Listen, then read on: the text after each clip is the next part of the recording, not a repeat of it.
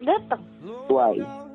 karena gue harus meyakinkan diri gue sendiri kalau pas di depan mata gue dia udah bukan punya gue lagi gitu loh dia bukan Anjir. seseorang yang bisa gue kejar-kejar lagi setelah Itu dia ya. nikah gitu iya dong karena Serius sih. sebelum dia menikah gue akan meyakini bahwa Allah dia belum nikah, Allah dia ini, Allah dia itu gitu. Tapi ketika dia udah resmi gitu ya, udah Mhm. nikah, maksudnya kan kita datang pasti waktu resepsinya dong ya kan. Udah resmi menikah dengan orang lain, ya itu kayak jadi cambuk gitu loh buat gue. Gue perlu mencambuk diri gue sendiri itu loh.